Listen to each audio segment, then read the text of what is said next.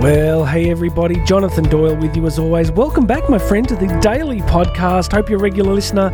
If you're brand new, welcome aboard. Great to have you in this community of people all over the world trying to move the needle a fraction forward in 24 hour increments. We only get 24 hours a day, but there's a lot we can do in that time. Last week, I did a video on podcast on a great quote from Zig Ziglar, where I, from memory, the exact quote was something along the lines of lack of time is not our problem. Lack of direction is. We all get the same 24 hours in a day.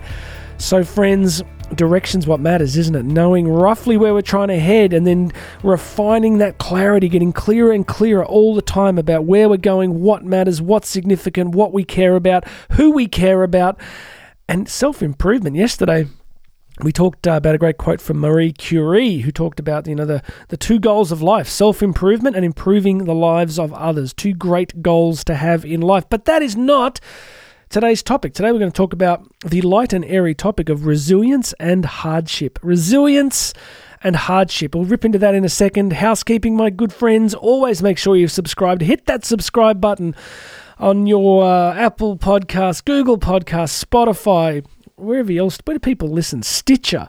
There's so many now. There's just so many platforms. Wherever you're listening, please hit that subscribe button. You get a little notification when the episodes come out. I usually release them about 4:30 a.m. Uh, Australia time, East Coast time. So for my American friends, that's probably afternoon your time. So, uh, friends, please make sure you subscribe. Go check out the show notes. Why would you check out the show notes? Because in those show notes, you can get free access to my book, Bridging the Gap. You can book me to speak. You can uh, get links across to the YouTube channel where I'm doing video versions. Excuse me, I'm about to. Uh, go and do some great videos later today. So please make sure you're on the YouTube channel as well. All right, let's rip in. I want to talk about resilience and hardship. It has occurred to me of late that, well, let's put it this way. Yesterday, we talked about the self obsession in our culture, the constant sense of life is about us, life is about self promotion, life is about the radical autonomy of self. Today, I want to riff on a similar kind of theme, which is sort of the idea that life should always be happy. If you look at our media and marketing engines, this kind of idea that everyone else is kind of happy most of the time and beautiful and popular and doing great things and going to the best parties and buying the greatest stuff and doing important things and releasing their inner unicorn and chasing the rainbow. And uh, that uh, if we're not experiencing that, something's terribly wrong. Now, I'm being a little flippant there, but I think you can agree with me that just like there's this radical sense of self autonomy, there's also this radical sense of life is about happiness, that the purpose of life is to be happy, which is technically true. Aristotle, as you know, I'm a, I'm a classical scholar. Aristotle would agree that the purpose of life was to be happy. But the classical definition of happiness comes from the Greek word eudaimonia, which means to fully become what you are. For the Greeks, the happy person was the person who actualized the fullness of their potential and became all that they could reasonably become.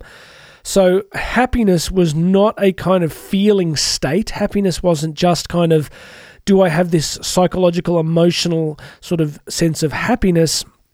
It was something much more deep. It was something much deeper than that. It was a sense of, am I fully becoming who I can become? Am I contributing what I can contribute? Another way that I've explained it to audiences is it's like a software code. All of us carry within us a kind of software code. The Greeks would call it a daemon, not a demon, a daemon. And it's kind of like software code, like a soul.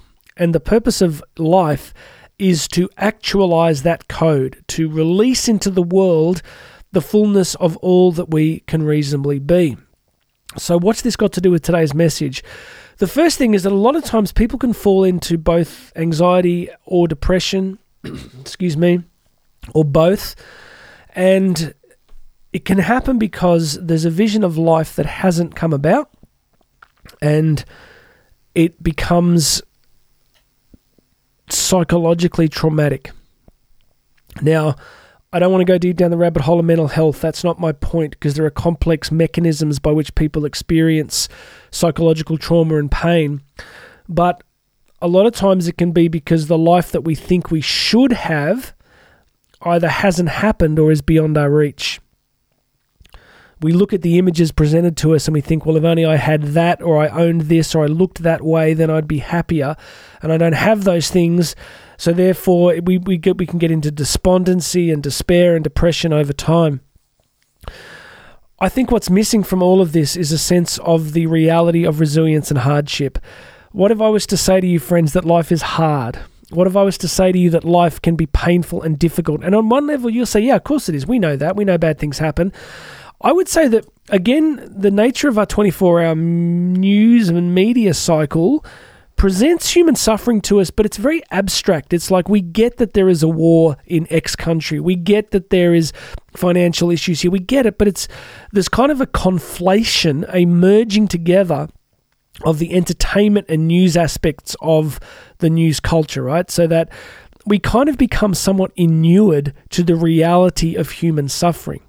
So I said a few days ago that I'm teaching my oldest daughter world history and it's very it's really true. It's like so much of human history was literally hand to mouth survival, trying to avoid pestilence, death, or being killed by somebody, and just finding enough to eat. You look at the Scottish philosopher Hume, who famously said, Life is nasty, brutish, and short. Um, and everyone's going, Jonathan, we, this is a motivational podcast. What are you doing? Life is not nasty, brutal, and short. Well, he thought that, you know, but he lived in Scotland, and if the weather there, if you spend enough time in Scotland, you're going to be writing like that. No offense to my Scottish brothers and sisters. Beautiful country, great sporting teams, lovely weather. Loch Ness Monster, haggis, love it. So just trying to walk back what I just said about Scottish weather. All right, moving forward. But for most of history, friends, it was about suffering. It was about hardship. It was about just how awful and difficult life could be. So we're in a new era where we seem to have abstracted human suffering because we're mostly protected from it. Yes, we can have loss and suffering in our own lives, illness, sickness, and death. But most of us are protected from those great realities of human suffering that have been part of the human condition for millennia. So, what am I getting at? I think we need to remind ourselves that if things are hard in your life at the moment, here's why it's because they're hard. It's just because they're hard and they're difficult. And we can either get despairing about that, resentful, bitter, angry. We can do the other great things in our culture at the moment victimhood and blame. Victimhood and blame. If my life is unpleasant, it's somebody's fault. Friends, that is not a winning mentality. It's not. Even if you're right, that's not a winning mentality. If you are right about that, if you are correct about that, you, are still not going to win. You're still going to be in a situation where that is absolutely not what is going to move you forward. Being a victim or moving into blame never moves you forward. So, Let's begin by realizing that there will be seasons in your life and mine where things are just a grind, where it is difficult and hard, and if you want to have a different life, resilience comes from the acceptance of hardship and pushing through that hardship and staying faithful, strong, and loving in the face of hardship and difficulty. Let me give you a quote here from um, Josh Turner. It says, Life is a series of punches. It presents a lot of challenges, it presents a lot of hardship.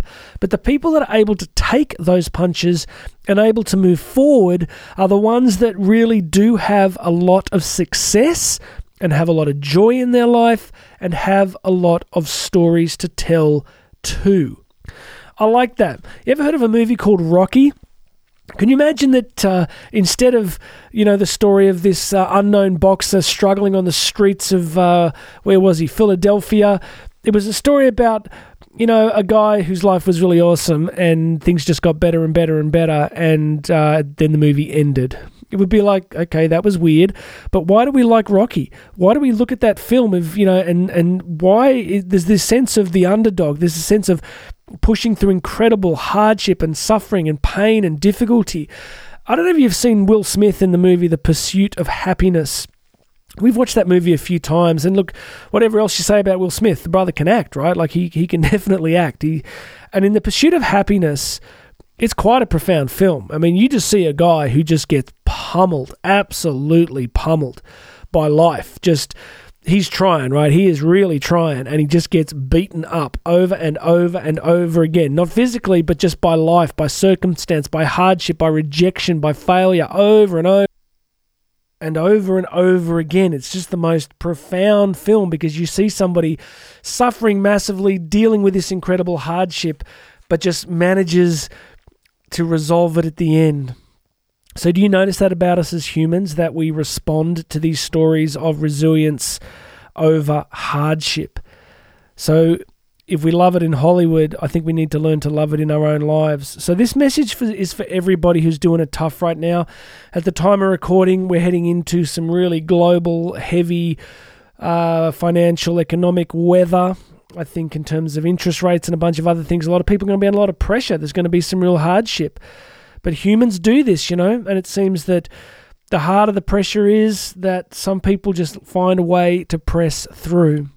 So, the purpose of today's message is to move you beyond this expectation that life will always be happy, will always be easy, will always work out the way we want, and realize that there will be seasons where we just got to be hard. We've got to just set ourselves like flint and endure the slings and arrows of outrageous fortune, as Shakespeare would say. They're seasons, no season lasts forever.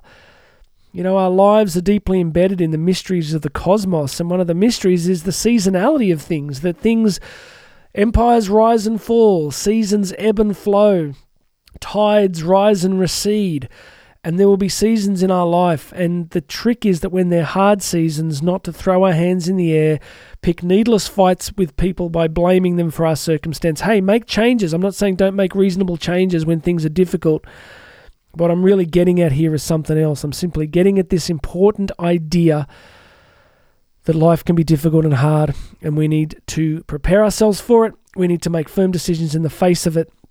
We need to press on through it. All right, that's all I wanted to say today. God bless you, friends. If you're facing hard times, hang in there, press through. This is shaping you, this is forming you. It's like you're being forged in the furnace of hardship, and that forging process will change you. It will change you. You will become a stronger, better, more compassionate person in time as you go through these hard seasons. Please make sure you subscribe. Go and check out the show notes. Book me to speak at your event. I'd love to come and do that. There's plenty more information there. Jump across to the YouTube channel, check out the videos. But God bless you, everybody. Keep going, huh? Keep going. You're not alone. This is a community of people. There are other people listening to this right now alongside you who might be facing hard times too, and they're pressing along with you. My name's Jonathan Doyle. God bless you, everybody. This has been the Daily Podcast, and I'll have another message for you tomorrow.